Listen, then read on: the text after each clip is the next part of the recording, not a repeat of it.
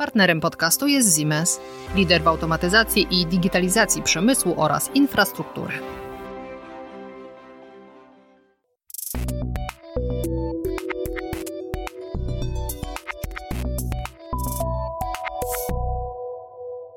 Pandemia pokazała, jak bardzo istotne jest szybkie przeniesienie procesów gospodarczych do sieci. Jeszcze bardziej uwydatniła też to, jak cennym zasobem gospodarki mogą być nowoczesne technologie, w tym także rozwój sztucznej inteligencji.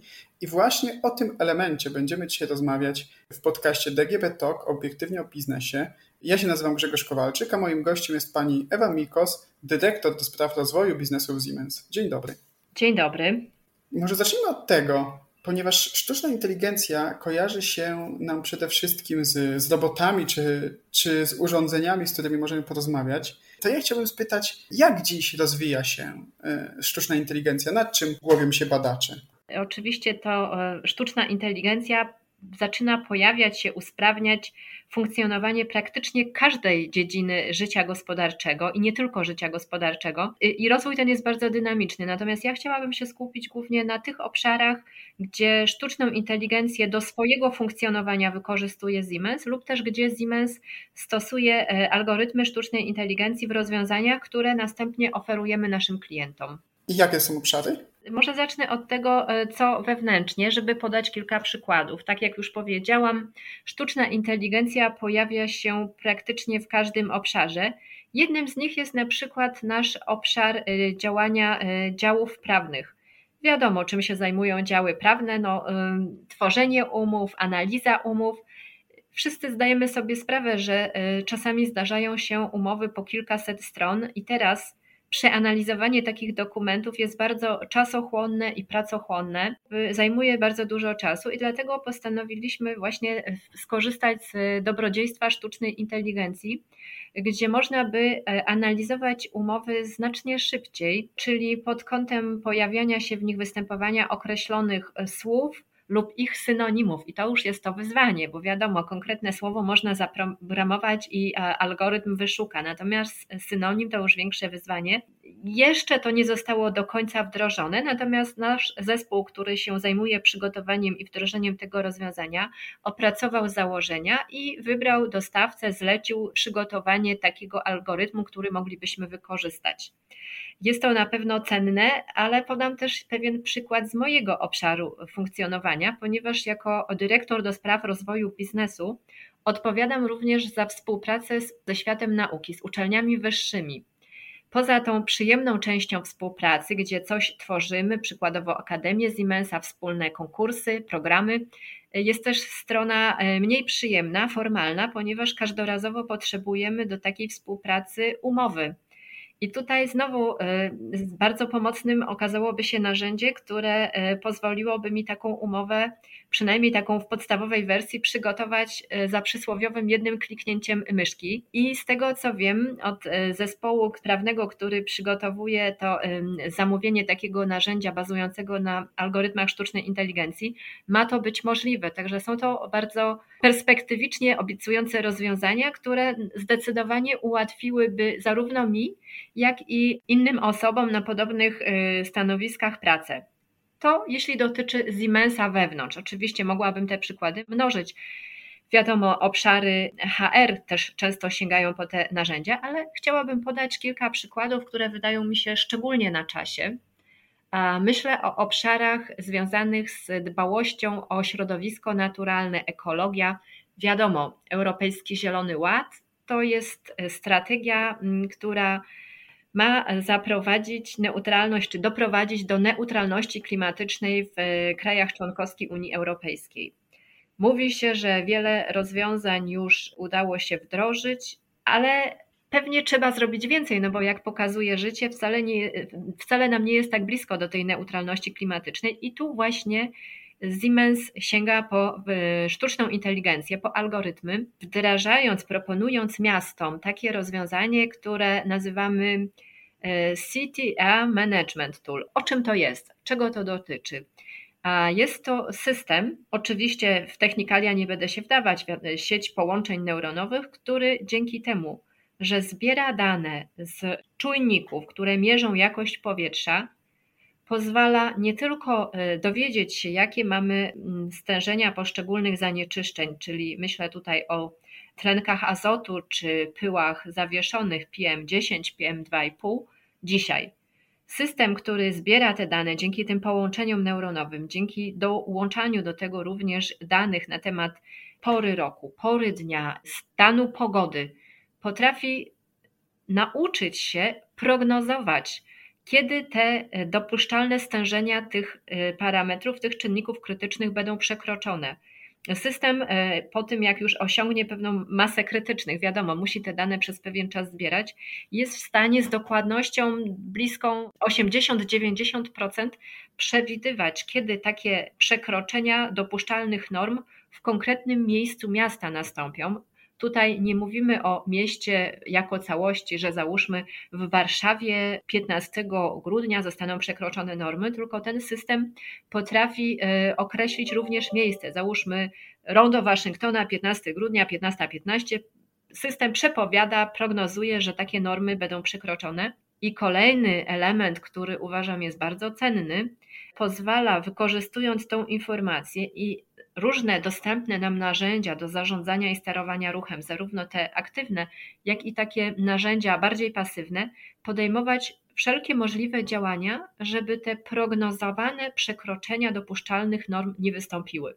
Także można powiedzieć, podsumowując, że dzięki wykorzystywaniu algorytmów sztucznej inteligencji możemy skuteczniej dbać o e, środowisko naturalne, a w szczególności o jakość powietrza w miastach. Rozumiem, czyli to by była taka pomoc dla y, samorządów. Czy w takim razie w Polsce w ogóle jest odpowiednia infrastruktura do tego, by, by z takich rozwiązań korzystać już dzisiaj? Czy, czy potrzeba dużo większej przebudowy całego systemu zarządzania miastem?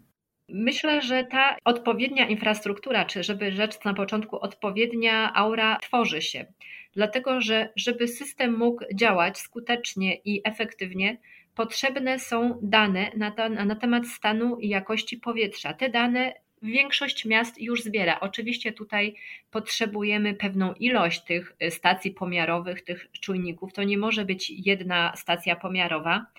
I w momencie, kiedy takie e, działania zmierzające do opomiarowania i zbierania danych są podejmowane, to tak naprawdę jest to już pierwszy krok do tego, żeby móc skutecznie planować wdrażanie takich systemów. Muszę e, powiedzieć, e, bez zdradzenia szczegółów, że już kilka polskich miast podejmowało z nami rozmowy na temat możliwości wdrożenia takich systemów. I jakby to było pierwsze pytanie, które stawialiśmy, jak wygląda infrastruktura pomiarowa w zakresie jakości powietrza w tych miastach ponieważ no, musimy zobaczyć, musimy dokonać e, pewnych pewnie dodatkowych inwestycji, które pozwolą zintegrować te dane, a następnie po prostu, żeby system mógł te dane już czerpać, analizować, tak jak to się potocznie mówi, uczyć się. Mówiliśmy o samorządach, a jak w takim razie sztuczna inteligencja może pomóc w takich no, w przedsiębiorstwach z uwzględnieniem podziału na, na przemysłowe, no i także na usługi, bo już w pewnym sensie już sobie trochę o tym powiedzieliśmy, że Siemens sam stosuje sztuczną inteligencję przy, no, przy różnych procesach biurowych i, i dokumentacyjnych.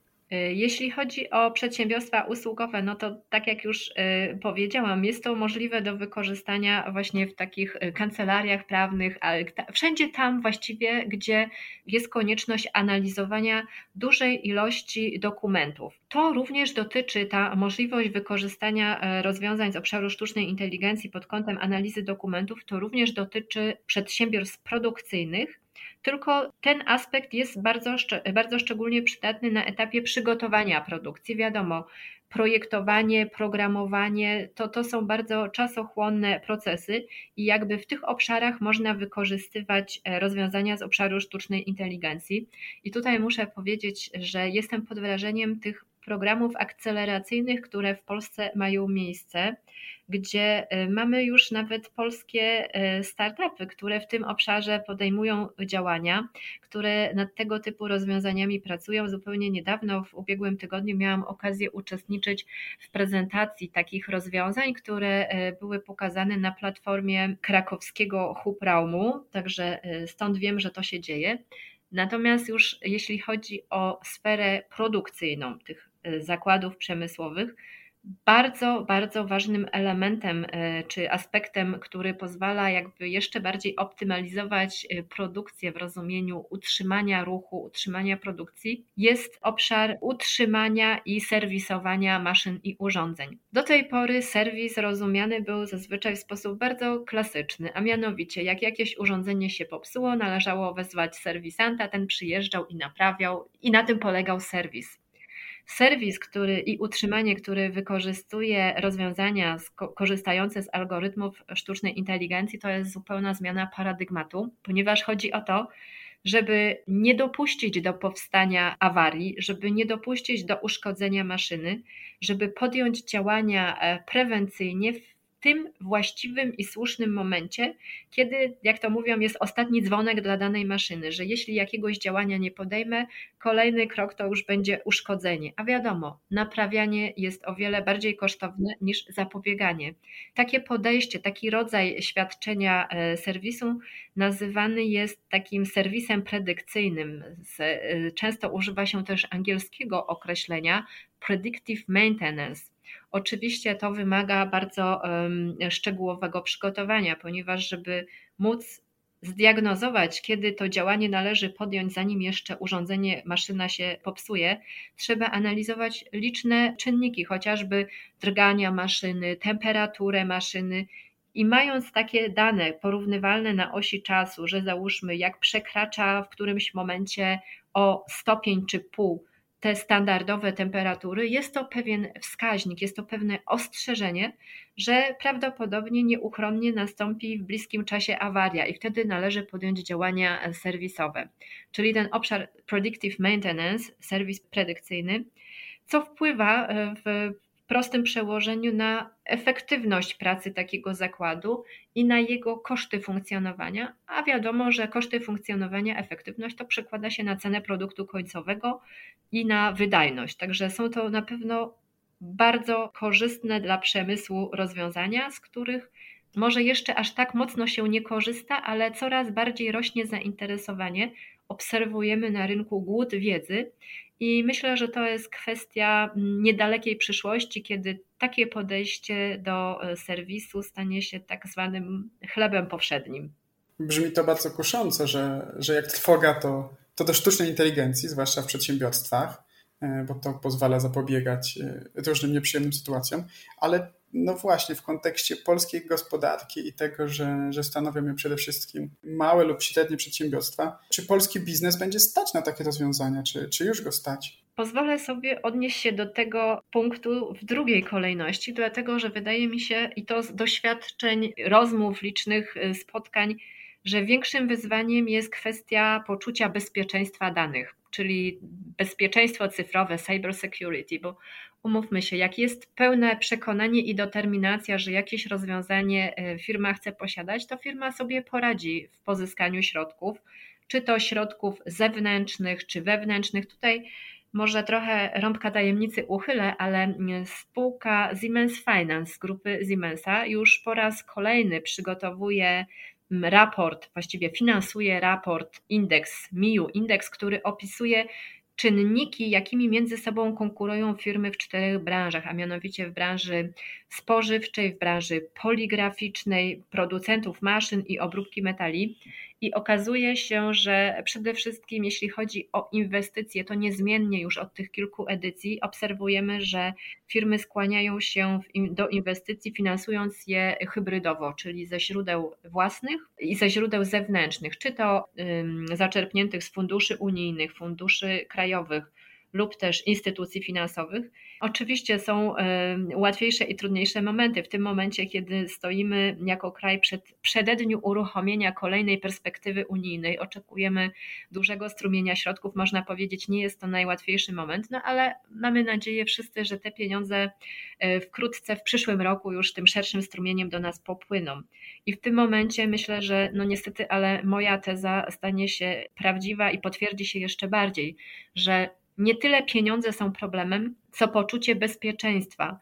I tutaj na pewno należy dodać jeszcze, że żeby sztuczna inteligencja i, i rozwiązania z obszaru przemysłu 4.0 mogły zadomowić się na dobre w polskich małych czy średnich firmach, należy zainwestować zarówno w edukację, szkolenia z zakresu cybersecurity, jak również pokazywania pewnych rozwiązań, które sprawią, że mimo tej e, cyfryzacji, tego cyfryzowania się, mimo tego, że dane będą przechowywane już nie na serwerze w firmie, a w chmurze, będą one dalej bezpieczne. Powinno to zdecydowanie ułatwić decyzję o wchodzeniu właśnie na drogę inwestycji w rozwiązania bazujące na cyfryzacji i wykorzystujące algorytmy sztucznej inteligencji. Skoro już jesteśmy przy, przy bezpieczeństwie, e, no to duży wpływ na to, jak rozumiem, mają e, regulacje prawne. E, chciałem zapytać, jak one się kształtują i czy nadążają za tak dużym postępem technologicznym? Tak, oczywiście wiadomo, że żadnego, żadnej regulacji nie da się wypracować w miesiąc, ale osobiście, ponieważ firma Siemens jest zrzeszona zarówno w Konfederacji Pracodawców, jak w Izbie mm, Kigate, no, y, jesteśmy włączeni, zaangażowani w y, opiniowanie tych aktów prawnych, które tą sferę regulują. Mam tu na myśli ustawę o Krajowym Systemie Cyberbezpieczeństwa. Mam tu również na myśli y, regulacje unijne dotyczące sztucznej inteligencji i myślę, że to jest właśnie podstawowa, podstawowy warunek, żeby w przygotowanie takich aktów prawnych, które regulują właśnie to otoczenie funkcjonowania w tej nowej cyfrowej rzeczywistości, angażować podmioty, które bezpośrednio są beneficjentami i użytkownikami tych rozwiązań, a dzięki temu na pewno one podążą za wyzwaniami, które przed tymi użytkownikami stoją. Tu chciałam też właśnie podać konkretny przykład, jeśli chodzi o te regulacje unijne dotyczące mm, sztucznej inteligencji. Jednym z punktów tego dosyć y, obszernego dokumentu była propozycja powołania takiego ciała doradczego, takiej rady, która będzie opiniować wszelkie zmiany i prace w obszarze regulacyjnym.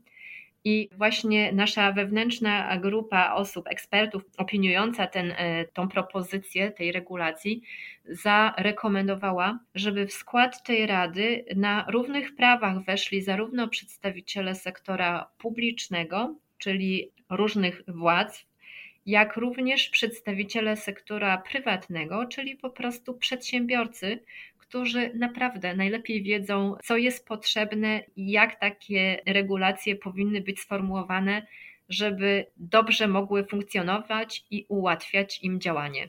Jakie są efekty tych prac? To znaczy, czy faktycznie można powiedzieć, że prawo nie spowolni rozwoju technologii, no, która rozwija się bardzo, bardzo szybko? No, staramy się do tego nie dopuścić, żeby prawo spowolniło y, rozwój technologii. Wiadomo, pewne regulacje mogą wiązać się może nie tyle z utrudnieniami jako takimi, ale mogą generować duży nakład czy potrzebę zaangażowania dużej ilości działań administracyjnych. Przykładowo, właśnie w odniesieniu do, do tych regulacji dotyczących sztucznej inteligencji, rozważana była kwestia kontroli jakości, no wiadomo, wszystkie produkty są certyfikowane pod kątem jakości i również te rozwiązania wykorzystujące algorytmy sztucznej inteligencji też powinny tej normie podlegać.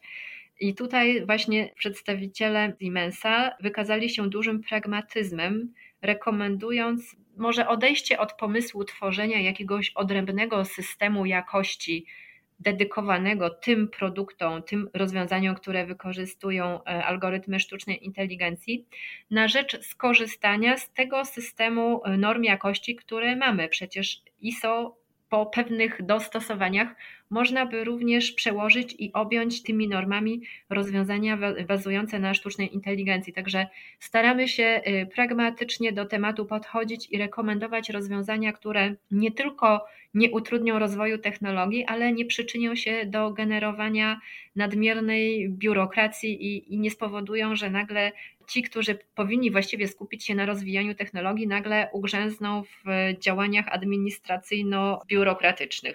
A jak obecne regulacje radzą sobie z, no, z wątpliwościami etycznymi, które mogą narastać. Tak? Co jakiś czas wraca na przykład dyskusja o, o kwestii danych i, i miejscu ich przechowywania. Sztuczna inteligencja i przetwarza ogromne ilości danych, więc, więc to temat jak najbardziej ważny i wzbudzający pewną dyskusję. Tak, tak. No, jest to temat, który praktycznie mógłby się stać tematem oddzielnego spotkania całej konferencji. Mm, sztuczna inteligencja, wykorzystanie danych, a etyka. tutaj y, na szczęście, na szczęście, bo zanim, mm, że tak powiem, te wszystkie rozwiązania na dobre zagoszczą w naszych y, firmach i zakładach produkcyjnych, mm, przedstawiciele zarówno krajów członkowskich Unii Europejskiej, jak i Komisja właśnie zajęli się również tym wątkiem.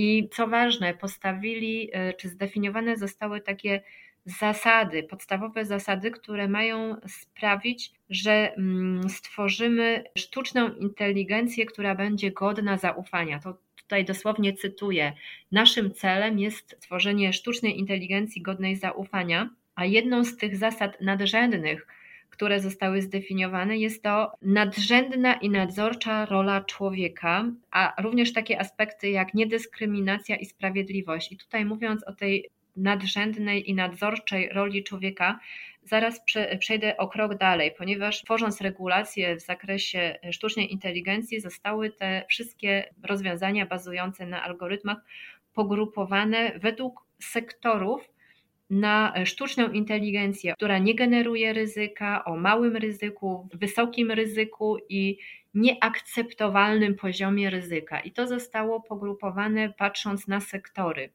Przykładowo do tych obszarów sztucznej inteligencji wysokiego ryzyka zaliczano obszar medycyny, y, transportu, czy też y, właśnie sferę prawną. Siemens czytając tą propozycję, mm, zaproponował, żeby jednak skłonić się, czy wejść troszeczkę głębiej w te poszczególne grupy i klasyfikować tą sztuczną inteligencję pod względem poziomu ryzyka nie według sektorów, ale patrząc na konkretne aplikacje, tutaj podam przykład, żeby uzmysłowić, co mam na myśli.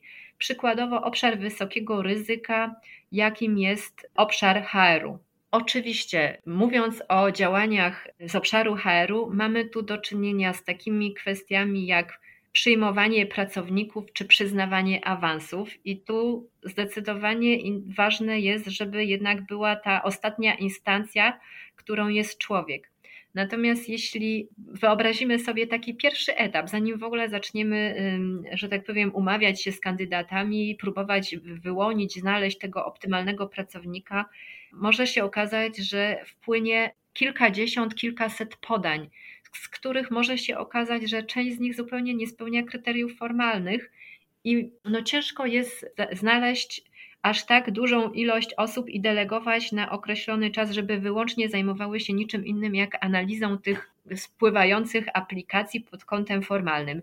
I tu na pewno sprawdziłoby się rozwiązanie bazujące na algorytmach sztucznej inteligencji. Można by takiej wstępnej selekcji tych aplikacji dokonać, bazując na tym rozwiązaniu.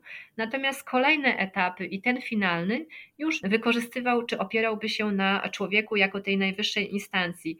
A gdyby przyjąć propozycję regulacji unijnej, która została e, zdefiniowana, że to jest obszar wysokiego ryzyka, no takie podejście nie byłoby możliwe. Także my tutaj jakby rekomendujemy pragmatyzm i analizę poszczególnych aplikacji i odejście od tego sektorowego klasyfikowania wysokie czy niskie ryzyko. Na pewno ważnymi aspektami, które należy brać pod uwagę, czy dany obszar powinien być uznany jako ten o wysokim ryzyku, czy nie, są takie kwestie jak chociażby skutki niepożądane, potencjalne obciążenia administracyjne, które dodatkowo się wygenerują czy też niepożądane, niechciane konsekwencje, jakie mogą wyniknąć z danego rozwiązania. I myślę, że e, takie podejście, jak to teraz modne słowo hybrydowe, mogłoby się okazać e, kluczem do takiego optymalnego wypracowania tych, e, kształtu tych regulacji. A czy z drugiej strony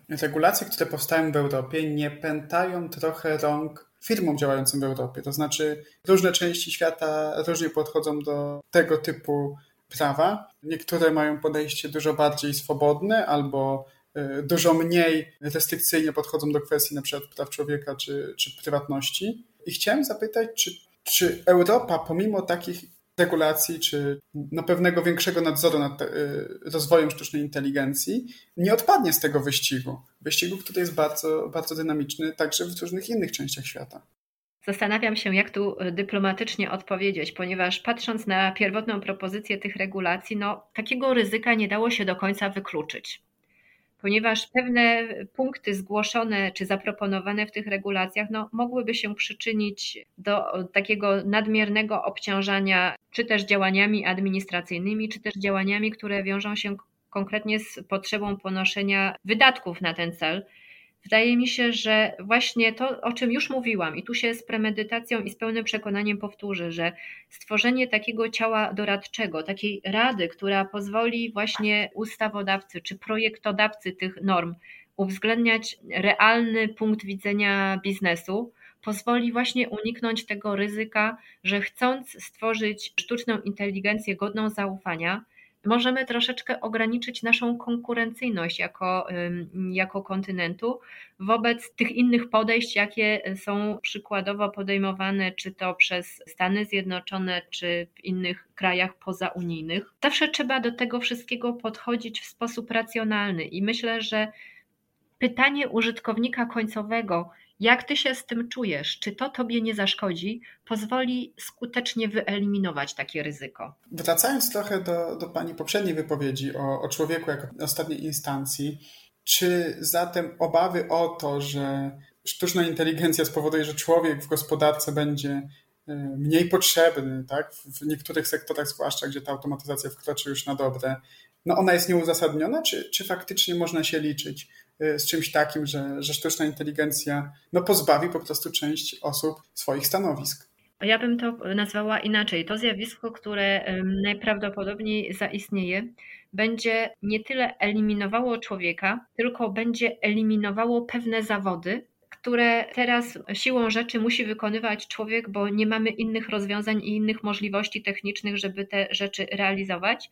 A z drugiej strony powstaną nowe zawody, te, które nawet ciężko nam dzisiaj jest nazwać, które stworzą nowe szanse i nowe perspektywy dla człowieka. Także myślę, że człowiek, czy rola człowieka i miejsce człowieka są pewne, tylko nazwa tych miejsc może się nieco różnić w stosunku do tego, co mamy dzisiaj. No, kto sobie wyobrażał jeszcze e, dwa lata temu taką funkcję, taki zawód doradca do spraw pracy zdalnej? Teraz jest to bardzo modne i przydatne. Sama miałam okazję uczestniczyć w spotkaniu z taką panią ekspertką, doradczynią do spraw pracy zdalnej. I dokładnie to samo będzie, będzie też w kontekście tych rzeczy, gdzie w tych żmudnych, powtarzalnych, czasochłonnych działaniach może odciążyć człowieka sztuczna inteligencja na rzecz tego, żeby on mógł wykorzystać swój potencjał i, i, i, swoje siły w innych obszarach, gdzie ciężko byłoby sztucznej inteligencji y, samej zafunkcjonować.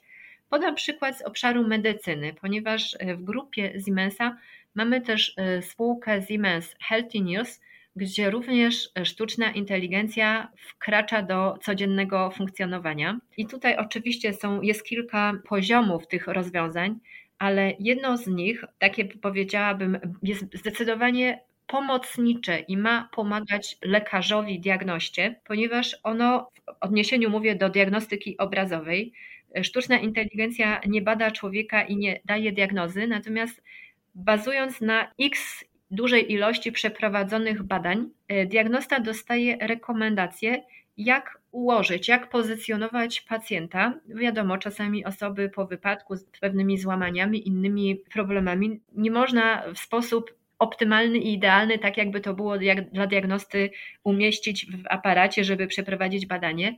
Dzięki temu, że ileś takich badań z podobnymi pacjentami już się odbyło, taki lekarz diagnosta może dostać podpowiedź, jak takiego pacjenta ułożyć, po to, żeby badanie było jak najbardziej diagnostyczne, żeby pozwoliło na postawienie jak najlepszej diagnozy. Także mamy tutaj jak na dłoni pokazane, jaka jest czyja rola. Sztuczna inteligencja, taka funkcja pomocnicza i człowiek, który pełni nadrzędną rolę, a ta sztuczna inteligencja pozwala mu jak najlepiej wykonać swoje zadanie.